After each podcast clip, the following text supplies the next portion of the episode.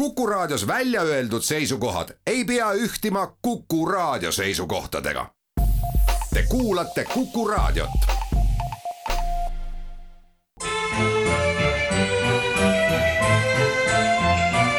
Memoria.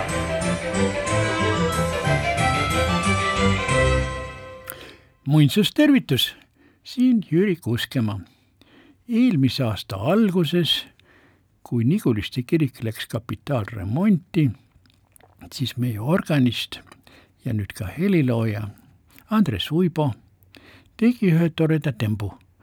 ta lindistas oma kavandatud muusikat ja selle keskseks looks on apokalüptiline sümfoonia aga on ka mõned teised sakraalmuusikasse kuuluvad palad ja sellest kõigest valmis tänavu äsja vinüülplaat,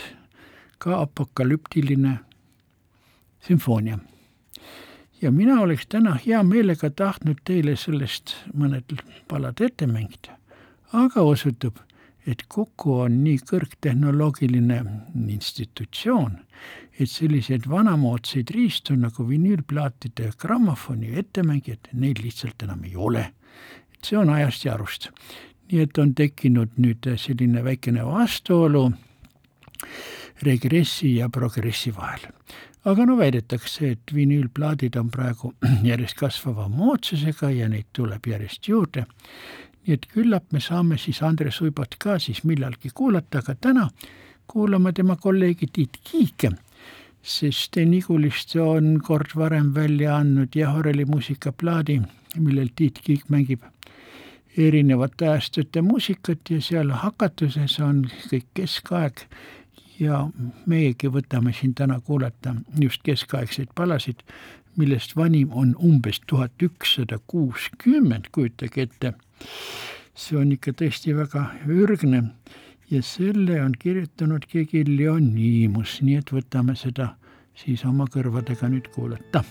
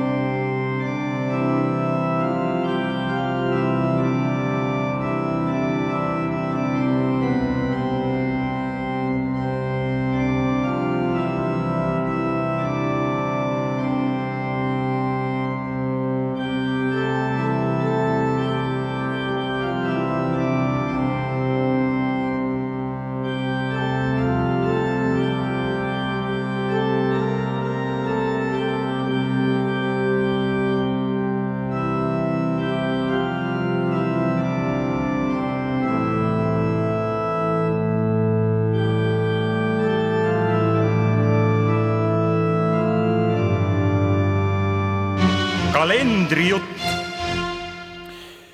no ja eks kõige eh, olulisem on kevadpühade tähistamine, millega me oleme juba üsna hästi hakkama saanud. ja asjalood on nüüd nii kaugel, et alates jüripäevast kuni suure ristipäevani on neid kevadpühasid olnud ikka palju. kusjuures eh, uuel nädalal üllataval kombel. Need kevad pühi või üleminekut suvele ei olegi millegi erilisega tähistada. meenutan vaid, et kunagi üks Skandinaavias nagu ja tihti mõnel pool kas Põhja-Saksamaal üks tähtsamaid kombeid oli meiupuu või maipuu ja näiteks Norras on see tähtpäev seitsmeteistkümnes mai ja siis on seal üks niisugune laasitud puu tüvi või pulk, võiks öelda, üsna kõrge ja mille tippu on paltega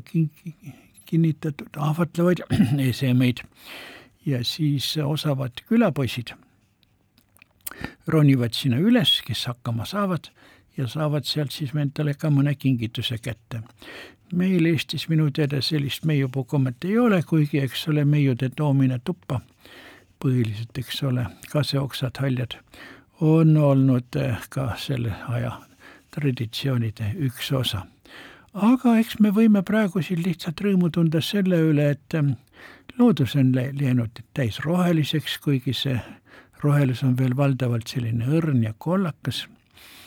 ja samas on ka palju õisi, nii et, et loodus on nagu, nagu pruudilooris, küll siin on need sinased äh, toomingad ja nüüd on juba ka, eks ole, kirsid ja neid äh, Jaapani kirsipuid oli juba ligi kuu aja eest õitsemas näha. ja neid tuleb ikka järjest juurde ja muidugi e, igal pool on ka võililled juba esimese niimoodi eh, õitsengu tipule jõudnud. nii et on, millest rõõmu tunda, kuigi me ka otseselt kalendaarselt midagi nagu praegu ei ei pea, võib aga öelda kalendaarselt nii-öelda mm, väljapool siis sakraalset ja rahvakalendrit, et e, rahvusvahelises kalendris, eks ole, lõppes eile muinsuskaitsekuu ja sellega seoses oli meil niinimetatud muuseumi öö välja kuulutatud, kuigi see päris öö mõõtu välja ei andnud, pigem, pigem muuseumi õhtu sest need sada viiskümmend muuseumi, mis üle Eesti olid külalistele avatud, see põhiline siis see hiline aeg oli siis kella viiest või kuuest kella üheteistkümneni, aga siis lasti need uksed jälle kinni ning ka muuseumi töötajad, kes olid külastajaid võõrustanud, tihtipeale tasuta või siis ühe eurose sisse, sissetuleku pileti eest võisid ka haigutades koju minna ja rahu saada. aga eks sellest muinsuseest jäi küllalt paljudele ikkagi üks tore elamus, mis viitab sellele, et ei tarvitse ju muinsustega kokku puutuda või nende vastu huvi tunda ainult muinsuskaitsekuul või muuseumipäeval, vaid see muinsus võib olla ka muinsuskaitse aasta ja selle aasta jooksul siduda kokku nii mineviku ja tuleviku lüngad omavahel, et elu oleks mitmekesisem ja, ja imetlusväärsem, aga täna meie teiega kalendrist praegu rohkem ei räägi, me hakkame nüüd oma maikuuga ju varsti valmis saama. meenutan, et siis on kohe tulemas, eks ole, lastekaitsepäev ja siis on tulemas, eks ole, Tallinnas vanalinnapäevad ja nii edasi, nii et igavust ei saa korda ka sündmuste poolest, mis toimuvad mitmesuguste festivalide talgute ja kogunemiste ja seminaride näol. aga meie praegu pöördume taas tagasi Niguliste kirikusse, sealt ka Tiit Kiige vahendusele väga kaugesse minevikku, mis see siis nüüd on, seekord siiski hoopiski viieteistkümnendal sajandil ja heliloojaks, kelle palast me algust vähemasti kuuleme, on Jakob Obrecht, sakslane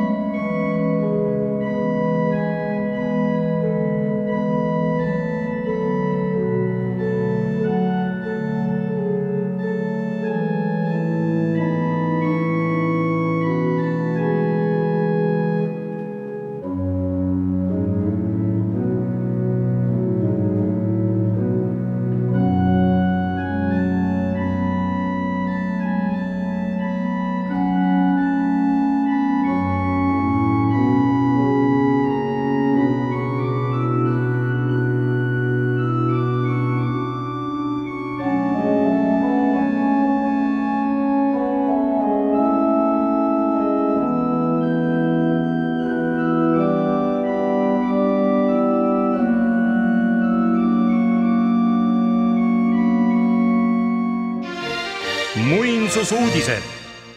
no ausalt öeldes ma tahaksin teid täna peibutada Eestist kaugemale. sest et maailm on täis huviväärsusi ja muinsusväärtusi, mis Memoriale ka meelepärased on. ja üks selliseid objekte, mis on tunnustatud ülemaailmselt ja kus käib aastas umbes poolteist miljonit külastajat. Ja mis aastal tuhat üheksasada üheksakümmend üheksa tunnustati UNESCO ülemaailmse kultuuripärandi osaks, on Bergamoni muuseum Berliinis linnaosas, mille nimi on Museumsinsel, muuseumisaar, kus Spree ja tema kanalite vahele jäävale ühele saarele on sattunud kohe üsna mitu muuseumi ja sealhulgas on siis ka neil, eks ole, maalikunstile pühendatud vana pinakoteek ja uuemale pühendatud uus pinakoteek ja veel ühte koma teist. nii nagu terve Berliini peale on ju hulgaliselt muuseume, millest nii-öelda uuemaid ja atraktiivsemaid, praegu külastatavamaid on Berliini müürile pühendatud, eks ole, see lahutatud Berliini muuseum ja, ja tänaval jäetud Checkpoint Charlie, see on siis väikene putkakene, kust oli ainuke läbipääs Ida-Berliinist Lääne-Berliini sellel sinasel müüriaegsel ajastul ja mis on praegu ka Berliini külastajate seas väga populaarne, no käiakse loomulikult riigipäevahoone juures ja, ja käiakse ka meelsasti juudi muuseumis või keskuses ja paljudes teistes kohtades, sest et neid muuseume seal on ja jagub, aga mis puutub sellesse Bergamoni muuseumi, siis too on ju rajatud suhteliselt ammu ja see põhiline hoone kes või südamik on eh, nagu antiikaegne tempel mm, sammas portikusega, mille kohal on kolmnurkne viil ja kõik see näeb välja umbes nagu mingisugune Kreeka või Rooma aegne tempel. aga sellele algsele hoonele on lisatud siis tiivad ja on neid seda mahtu seal uus juurdeehitis rohkem kui selles vanas korpuses ja seal ka mitmel korrusel on ühtekokku kolm praktiliselt võiks öelda erinevat muuseumi, aga mis valdavalt on ikkagi nagu antiik ja keskaeg, kusjuures see, see Bergamoni muuseum ise, jah, on Bergamonist, lausa on seal Bergamoni altar, millel on ka siis kolonnaad ja skulpturaalne friis, millel me näeme väga palju võitlevaid ja žestikuleerivaid figuure hobustel ja jalgsi, seal käib võitlus gigantidega ja sealhulgas võitlejate seas on mõned, mõnedki ka noored kaunitarid ja see on kõik nii elav ja dünaamiline, et tundub uskumatu olevat, et nii umbes enam kui kakssada tuhat aastat tagasi osati inimtegevust nii, nii köitvalt ja natuurilähedaselt kujutada, see on särav, aga õigupoolest selles Bergamoni muuseumis vast lisaks sellele Bergamoni altarile, mis on üks kolmest sellisest hiilgenumbrist mm, selles Bergamoni muuseumi osas antiikkunst ja arhitektuur, mm, on veel mm, selline objekt, mis on Miletose turuvärav no võib tunduda, et no mis see siis turuvärav siis nii väga ära ei saa olla. et äh, aga vanasti turud olid ikkagi palju suurema tähtsusega nagu ühisk, tihtipeale ka ühiskondlik foorum, kus olid igasugused avalikud üritused ja kogunemised ja rahvakoosolekud ja mida kõike veel, kus tegeldi ka nii-öelda muidugi ajaviitelise meelelahutusega ja kontserdid ja spordietendused ja mida iganes.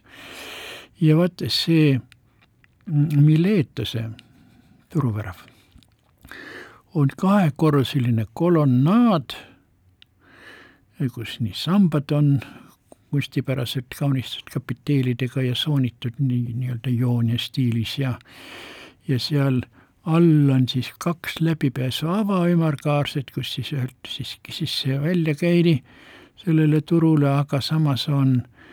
selle kolonnaadi varjus on ka mitmesuguseid skulptuure, millest märgatav osa on meie päevini jõudnud ja see suures osas omal ajal kaevati maa seest välja alles kahekümnenda sajandi alguses ja sai sinna paika selle hoone keskele südamesse, mis see siis oli, tuhat üheksasada kakskümmend kaheksa, kakskümmend üheksa, ja sai sõjas mõnevõrra kannatada, kui Berliini pommitati, siis taastati ja siis äh, alles äh, nüüd äh, kümmekond aastat tagasi või isegi veidi vähem algasid suured rekonstrueerimistööd, mille käigus see Bergamoni muuseum ehitati märksa pikemaks ja suuremaks. Nii et selles on võimalik mitu päeva veeta, ilma et hakkaks igav ja et ilma, et võib-olla ei jõua, ilma et jõuaks kõiki eksponaate isegi üle vaadata, aga samas üks võib-olla, võib-olla isegi kõige atraktiivsem visuaalselt eksponaat selles Bergamoni muuseumis on, pole ei Kreekast ega Roomast, vaid on hoopis Babylonist. Ja nojah, piiblist me teame kõik Paabeli vangipõlve, aga samas me teame ka, et seal Babylonis olid juba kirjakunst, kiilkiri viis tuhat aastat tagasi ja mis see Hammurapi ja need tegelased nende kunstnikud või kuningad andsid välja selliseid määrusi ja seadusi, mis on maailma nagu kõige vanemad kirja pandud juriidilised dokumendid, nii et neil oli väga kõrge kultuur. Ja samuti olid nad muidugi võimsad tähetargad, eks ole, ja ka arhitektuuris see Babyloni müür oli noh, luksuse tipp sest et kogu see pind väraval, Istari väraval näiteks, ja sellele järgneval protsessiooni galeriil, mis ka paarsada meetrit pikk, oli üleni kaunistatud mosaikdekooriga põhilised sinised, tumesinised kahvlid, kuhu olid sisse põimitud figuurid ja ornamendid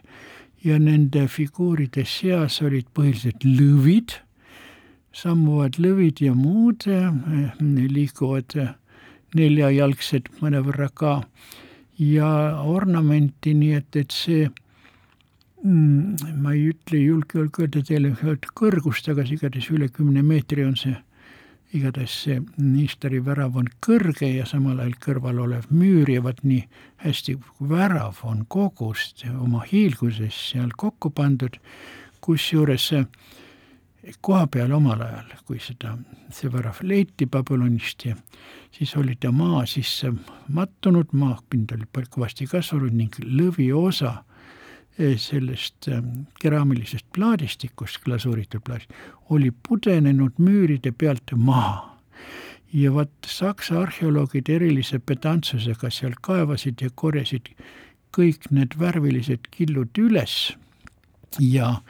eriti hoolega muidugi need, mis ei olnud sinised, vaid millel paistis midagi muud, mingid loomade jalgu, päid ja keresid, ja vot nendest on suudetud kokku panna lõviosa nendest loomadest on siis autentsed kahlikillud, mis on kokku pandud, ja märgatav osa siis taustast, sellest sinisest, on siis uus rekonstruktsioon, aga see on ka täpselt toonis, nii et ei erine originaali värvikujust ja ei ole ka liiga sile vaid on nii-öelda täpselt mõõdukalt lapergune läheb selle vanaga kokku. Ja see on niisugune, tõesti suu jääb lihtsalt lahti, mõeldes sellele, et kuidas küll need babüloonlased kaks tuhat viissada aastat tagasi umbes olid nii toretsevad ja hindasid kunsti ja maagiat, mis sellega kaasas käis, nii kõrgelt, et nad midagi niisugust suutsid valmistada. Ja näete muidugi aegade jooksul see näis olevat täiesti hävinud, aga arheoloogid ja restauraatorid on tõelist imet teinud, nii et, et see, see koos sellesamuse Miletose turuväravaga ongi nüüd kaks kõige niisugust jahmatavama panevat eksponaati selles Bergamoni muuseumis. kuid muidugi seal on siis ka veel Rooma templite detaile ja Kreeka templite samboid ja portikusi ja sammaste kapiteele, mis on ka nii-öelda maailma kõrgkunst, klassikalise ajastu nagu hiilgesaavutused ja muidugi ka üksikuid skulptuure ja reljeefe ja neid on nii kivist, marmorist, lubjakivist, pronksist ja lisaks sellistele monumentaalsetele kujudele, reljeefidele. On seal ka väeldest miniatuurset ja sealhulgas muidugi lisaks kujutavale kunstile on oluline ka tarbekunst, just nõud, nõud, mis on valmistatud enamasti, eks ole, savist, keraamilised nõud musta ja punase glasuuri ja figuuridega ja samas ka see varane klaas, mis, mis on seal ka juba ampullid üle kolme tuhande aasta vanad, haprakesest materjalist, mis on ometi maapinnas paiguti tervena meieni säilinud, et see on ka üks tõesti üks hämmastuse põhjus. nii et seal on ka Rooma saal selles Bergamoni muuseumis ja seal on selle Euroopa ja Ees-Aasia antiigile lisaks on veel, veel kaks osakonda, üks nendest on seotud mm, muhameedliku kultuuriga. Ja muhameedliku kultuuriga alates ütleme, mis ta siis on, mil see tekkis seitsmendal sajandil, näiteks Hispaania Pirenee poolsaar seitsesada seitsekümmend üks kuni tuhat nelisada üheksakümmend kaks on see muhameedliku perioodi e, aeg, mille järel nüüd muhameedlased ja berberid sealt välja aeti, jäid ainult kristlased. Aga samas on ka siis Ottomani impeerium, mis lõpetas oma tegevuse alles aastal mm, tuhat üheksasada kakskümmend seitse, seal on siis kõige, kõige kuni nooremate, kuni kahekümnenda sajandi alguse esemeteni, kuid neid ähm, Otto, nüüd muhameedlikke impeeriumi enne Ottomani on olnud ju äh, mitmesuguseid, küll seal, seal safavidid ja muud dünastiad äh, küll Põhja, Ameerika, Põhja-Aafrikas ja, ja Lääne-Aasias kuni Kesk-Aasiani välja, mis on olnud hõlmatud muhamedlikest suurriikidest ja impeeriumidest koguni. ja võttes sellest muhamedlikust pärandist on loomulikult eh, väga palju materjali, mis on keraamiline, savinõud ja enamasti mitte portselan, sest see oli nagu Hiinas, kuigi hilismast ajast on ka portselani, eks ole. teiseks on ju, kuna muhamedlus keelas elavolevuste kujutamise, mida muidugi alati sajaprotsendiliselt ei jälgitud, seal on ka reljeefe ja esemeid inimfiguuride, kujutiste ja loomadega, aga põhiliselt ikkagi ornament ja vot vaibad, keraamika ja vaibad sobivad siis ornamenteerimiseks imehästi ja seal on ikkagi ka täiesti vapustava kvaliteedi ja toredusega vaipasid, mis on eh, noh, selle tekstiilikunstiga maailma tipptase. Eh, sellest võib seal rõõmu tunda ja samuti muidugi me teame, et muhamedlased on olnud väga eh, uhked kalligraafid ja nende käsikirjad on siiski tihti keskajal juba kaunistatud siiski ka rohkete miniatuuridega ja nendel miniatuuridel on mm, kujutatud ka stseene inimelust ja, ja loodusest ja arhitektuurist, nii et, et selles mõttes on see ka e, nii-öelda inimkonna kõrgkultuuri kuuluv. Ja mm, niisugused osad on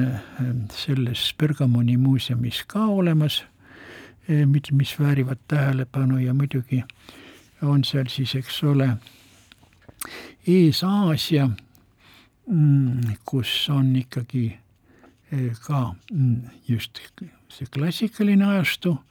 mil sealkandis olid Kreeka ja Rooma kolooniad, mis ulatusid kuni, eks ole, Musta mere põhja, põhjarannikuni, muuhulgas ka Krimm oli, eks ole ju kunagi sealsed esimesed linnad olid Kreeka kolonistide poolt asutatud. nii et, et see antiikkultuuri mõju, Kreeka-Rooma kultuuri mõju oli nojah, eks ole, läänes kuni Hispaaniani ja Marokoni ja idas jah, kuni, kuni Kaukasuseni välja. nii et seal ja neid saadusi on seal väga palju eriti imetlusväärseid. nii et ma kordan veel, eh, selles sinases Bergamoni muuseumis võib vabalt veeta mitu päeva, enne kui jõuaks selle ekspositsiooni täielikult üle vaadata, aga no jah, kui kõike ei jõua, siis ähm, üks päevgi või pool päeva on juba nii palju elamusi, et, et vastuvõtuvõime hakkab nagu hajuma, aga nendest muuseumidest, mida võiks siis veel seal mm, Berliinis külastada, kui on moodsamaid huve ja tahetakse midagi uusi, uuemat näha, siis võiks soovitada veel külastada näiteks ka kaasaega uuema kunstimuuseumi Rahvusgalerii Mm, mis, kus hoone on tõesti stiilis šikk, modern, nagu suur klaas- ja metallpaviljon, tohutu suur, ehitatud alles, mis oli, seitsmekümnendate aastate lõpus. Ja seal on osalt on siis maa, maa all ekspositsiooniruumid ja siis samas on see pühendatud kahekümnenda sajandi kunstile, valdavalt saksa kunstile, seal alates siis nendest äh, hilistest sümbolistidest ja varasest, eks ole, ekspressionismist ja millele järgnevad ka nüüd konstruktivism, Bauhausiga seotud kunstnikud, konstruktivistid ja muu, eh, mis muidugi on osalt olnud ka omal olemusaja, olemisajal Hitleri režiimi poolt kuulutatud mandunud kunstist, entartete kunst mida jälitati, mida hävitati, aga mis väljapool Saksamaad omandas ikkagi väga suure populaarsuse ja ja nende autorite töid, mis jõudsid välja, neid me näeme ka suurtes maailma muuseumides, kusjuures selles Saksa rahvusgaleriis väratab tähelepanu, et seal on peale sakslaste endi ka mõningaid teisi mitte saksa autoreid, kes mõned on muidugi ka germaani rahvaste hulgast, nagu näiteks mm, Norra, norralane Edward Munk, kes on eh, seoses Müncheni teatriga seal teinud mitmesuguseid kujundustöid ja lavakujundusi ja nii edasi ja kellelt on ka väljas kohe terve üsna suur grupp maale. aga samas me võime seal kohata ka näiteks, korraga on Salvador Dali meil seal ninapidi vastas ja ja me võime siis näha seal mitte, mitte ainult Paul Kleed, eks ole, sakslast, vaid me võime näha ka Salvador Dali näiteks ühte tööd, mis äh, igatahes neid kokkupuutepunkte sakslastega. Ja muidugi jah, näiteks ka Vassili Kandinski on seal, selle üle pole võib-olla nii põhjust nii väga üllatuda, sest et Vassili Kandinski ju äh, Peterburist läks Saksamaale. Ja mis ta siis oli, Münchenis vist tuhat üheksasada kaksteist sündisid Kandinski esimesed abstraktsed maalid, mis olid ka üldse abstraktsionismi alusepanijaks ja mis peatselt äh, võttis võimust ka Saksamaal, nii et äh, neid abstraktseid kompositsioone on selles äh, maalikunstimuuseumis üsna palju. no vot niimoodi on need lood ja lugulaulud, kusjuures jah, sõltuvalt siis maitsest ja huvide ringist võib kindlasti Saksamaale siirduv turist või kultuurireisiline ennast nagu harida ja lõbustada mitmesugustes paikades ja piirkondades. aga meie teiega võtame taas sukelduda keskaja muusikasse Tiit Kiige vahendusel Niguliste kiriku oreliga pala, mida me kuuleme, on umbes tuhat viissada kirjutatud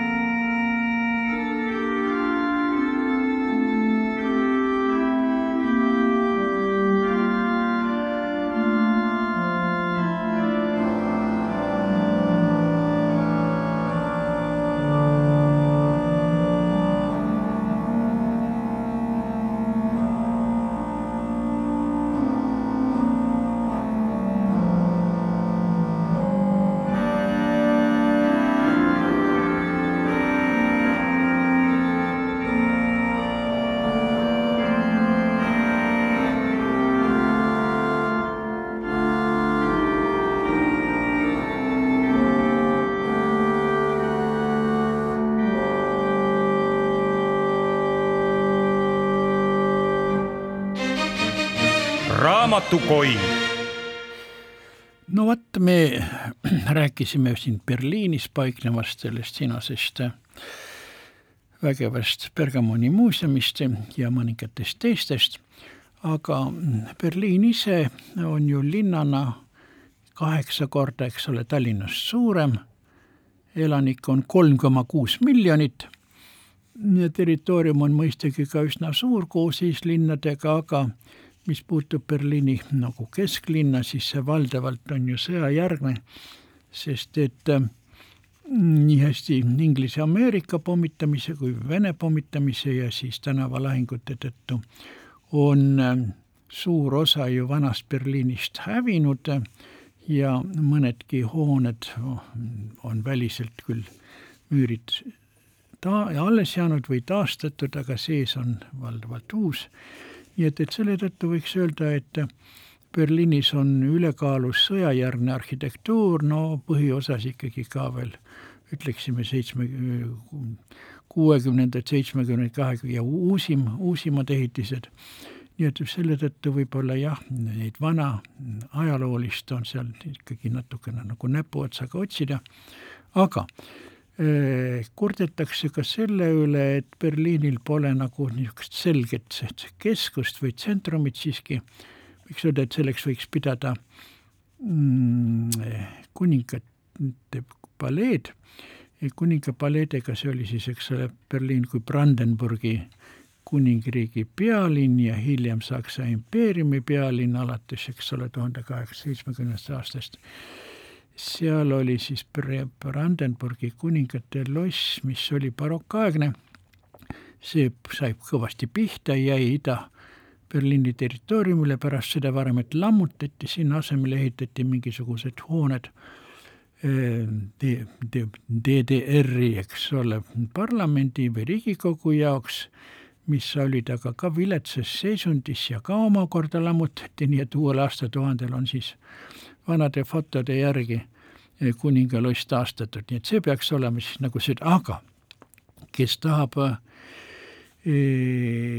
Berliini kõrval lähikonnas vaadata veel midagi muud ja saada osa niisugusest, ütleksime, mm, pargikunstist ja parklinnast, see võiks teha ühe väikese väljasõidu. nimelt neli, neljakümne kilomeetri kaugusel Berliinist asub Potsdam, mis jäi muidugi ka Brandenburgi kuningriigi koosseisu ja vast ma arvaksin, et maailma kuulsuse on Potsdam omandanud mitte niivõrd ikkagi parklinnana, kuivõrd kohana, kus ühes nendest vanadest kuningapaleedest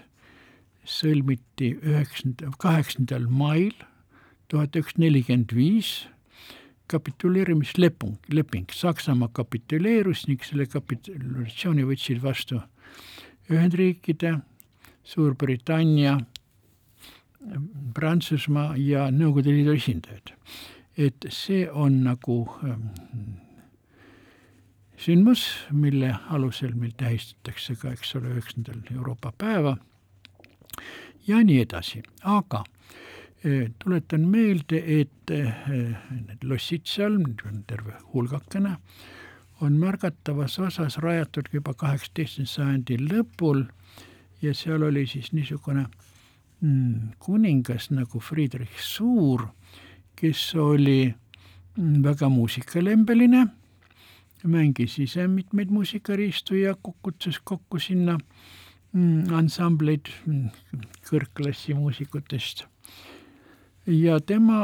äh, armastas ka äh, niisugust paleearhitektuuri ning laskis mitmed toredad lossid ehitada ja samuti ka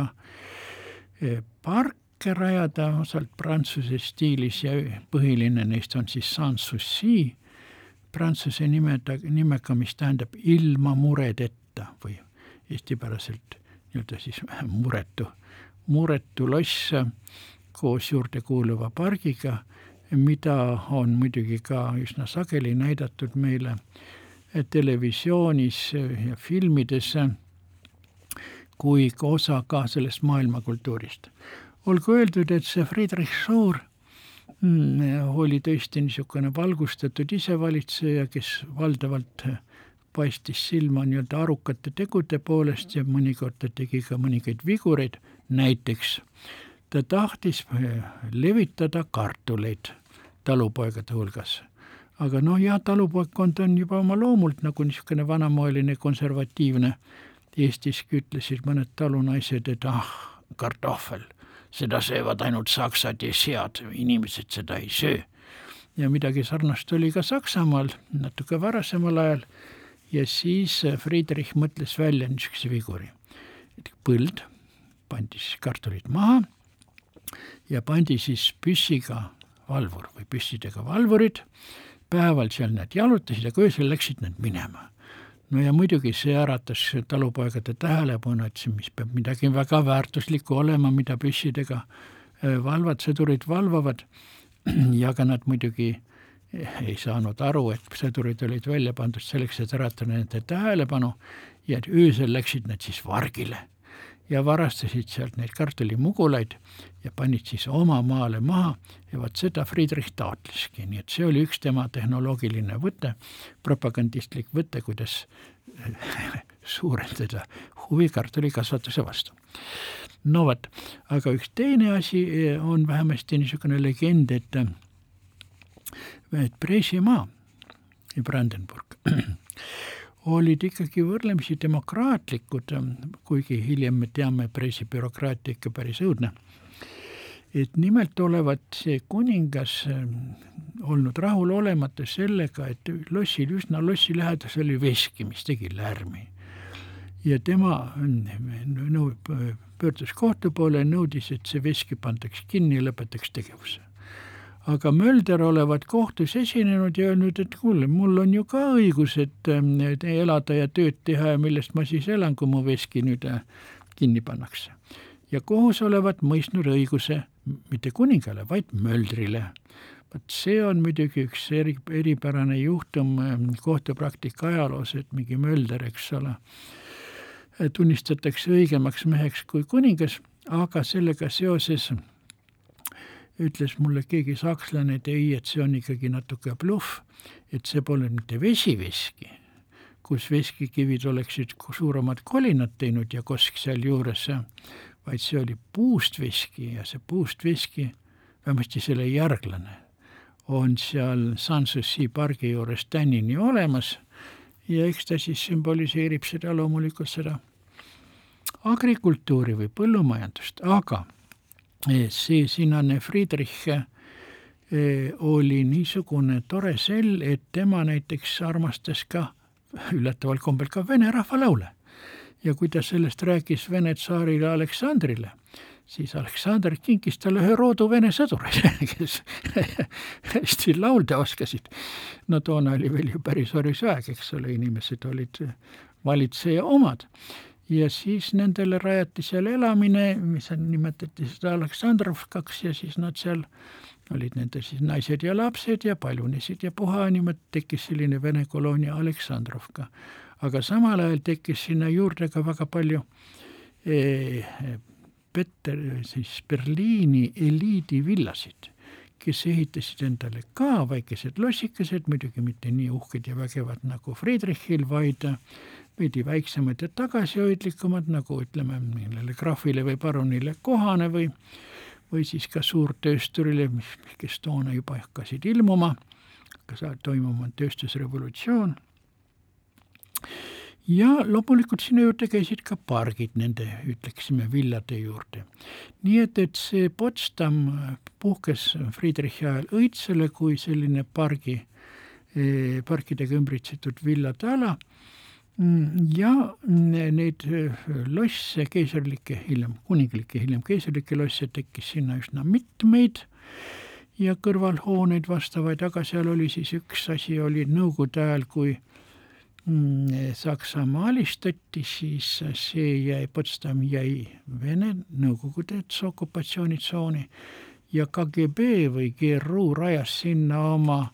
oma keskuse, nii et seal oli siis jah, Nõukogude luurekeskus Potsdamis. ja nüüd muidugi, kui nad ära läksid, siis jäid hooned tühjaks ja samas on nendes keisrlikesse lossidesse, nende abihoonetesse ja sellesse Nõukogude luurekeskusesse rajatud Potsdami ülikool ja see on ikka õige vägevaks kosunud, seal on kolmkümmend, oli see nüüd kolmkümmend kaks või kolmkümmend neli tuhat üliõpilast. nii et probleem on, mõte võib-olla head kuulajad, mõne oma lastest ka sinna õppima saata Potsdami ülikooli. Aga muidu jah, on seal ka tore tirutada ja võib äh, muidugi käia seal pargist parki ja villa juurest villa juurde. Aga võib ka selle sinase teha niisuguse lühitutvumise, nagu meil Tallinnaski on selline ing-, inglisepärane kahekorruseline buss, hop in, hop off, hüppa peale, hüppa maha. aga meie teiega tuleme sealt, sealt Potsdamist nüüd taas Tallinna Nigulistesse ja praegu me kuuleme ühte umbes, ka umbes viiesaja aasta vanust laulu või vabandust, oreli meloodiat, mille autoriks on Fridolin Sicher.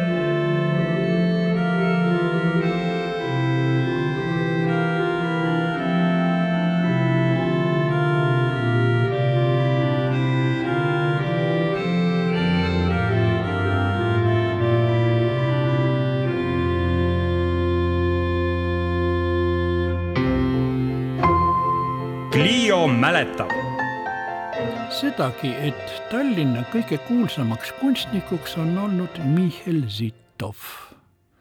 tõsi küll, see kuulsus tuli alles pärast sõda, sest et enne teist maailmasõda Tallinna antikvar Paul Johansen suutis selgitada, et selliste õige mitmete nimevariantide all Lääne-Euroopa õukondades kuulsust kogunud kunstnik, osalt Miguel Sitium ja, ja mis, mis variantine veel kõik oli, on tegelikult Tallinna kodanik Mihhail Zittov, kes sündis siin kunstnikust isa Klaavese pojana tuhande neljasaja kuuekümne üheksandal aastal, vististi paiknes Lai tänav kolmkümmend kaheksa ja hiljem, et kui ta läks, eks ole, õppima Brüggesse ja sealt siis läks edasi Hispaaniasse, Burgundiasse, kus ta kõik käis, Taanis ja Inglismaal vist isegi maalimas. kui ta tuli Tallinna tagasi tuhat viissada kuus ja võeti siin vastu ka Tallinna puunikerdajate, maalijate ja klaaserite tsunfti ja siis oli ta siin aastani tuhat viissada neliteist ja siis läks ta taas läände, et tal oli saamata jäänud osa honorari, nii, Hispaania kuningakojalt, kuna kun tema patroonist kuninganna oli vahepeal surnud. ja siis ta oli veel tuhat viissada kaheksateist kuni kakskümmend kolm Tallinnas, kakskümmend kuni kakskümmend viis kuni oma surmani. ja siis oli ta oma siinse oma, ka siinse karjääri tipul, siis ta valiti ka tähendab kas Tallinna Kanuti gildi vanemaks või alde või aldermanni, altermanniks, nagu öeldi. ja siin jõudis ta ühte kui teist teha, kuigi need tööd nagu näiteks altar või altari retaabel Tartu kullasseppade tsunstile on hävinud ja me ei tea isegi, milline see välja nägi, kes seal olid kujutatud ja samuti on hävinud ka näiteks päiskivid Oleviste Maarja kabelile, mille siis Sito valmistas ja samuti figuurid kellale, mis oli seal Nigulistes ja nii edasi. aga eh, Michal Sitov on ikkagi pälvinud prantsusekeelse monograafia ja mõni aeg tagasi meil oli ju Michal Sitovi näitus Kumus ja nüüd on siis Nigulistes, eks ole, otsaga pärast Niguliste taasavamist näitus, mis on pühendatud ka Michal Sitovile ja seal on pea, peamiseks eksponaadiks on siis Põhja-Rootsist, Bolnesist, sealse piiskopi loal toodud altar tiibaltar, millel on siis keskel eh, kujutatud skulpturaalset püha hõimkonda,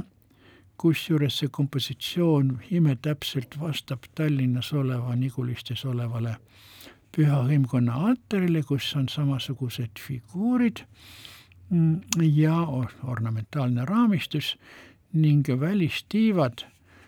nii nagu on sellel meie kannatusaltaril kus on Mihkel Sitovi poolt maalitud pühakute figuurid, nii on ka sellel Volnesi altaril välistiibadel maalingud, mida ka on, mida on asutud seostatama Mihkel Sitovi loominguga. Ja siin on isegi avaldatud arvamust rahvusvaheline töögrupp, mis tegeleb Mihkel Sitovi loomingu uurimisega, et võimalik, et see Polnessi altar on ülepea valmistatud Tallinnas kõige täiega, et siin võis peale Sitovi tegutseda ka rahv-, mitte ainult rahvuselt kõrgklassi kiviraidureid, kes tegid näiteks selle sinase öö, Oleviste juurde Hans Pavel Sikenotaafi ja kes arvatavasti tegid Michal Zitovi kavandi järgi ka Liivi ordomeistri Walter von Plettenbergi ja Neitsi Maarjat kujutavad kõrgreljeefid, mis on olnud Riia lossis ja kus siis Walter von Plettenberg on taas tulnud Tallinna külastama pärast oma viimast visiiti, mis see toimus siin tuhande viiesaja vist kahekümne viiendal aastal, eks ole, nüüd on tema kivist kuju siin. nii et, et see kõik on äh, täiendavat huvi ja võrdlusvõimalusi pakkuv, nii et tulge aga Nigulistesse vaatama, Mihkel Sitov on vast isegi laiema kaalu ja klassiga, kui me oleme siiani osanud arvata. aga Nigulistest kõlab teile siis ka viimane, viimane muusikaline tervitus täna ja selleks on Pala Dolce Maria, O Magus Maria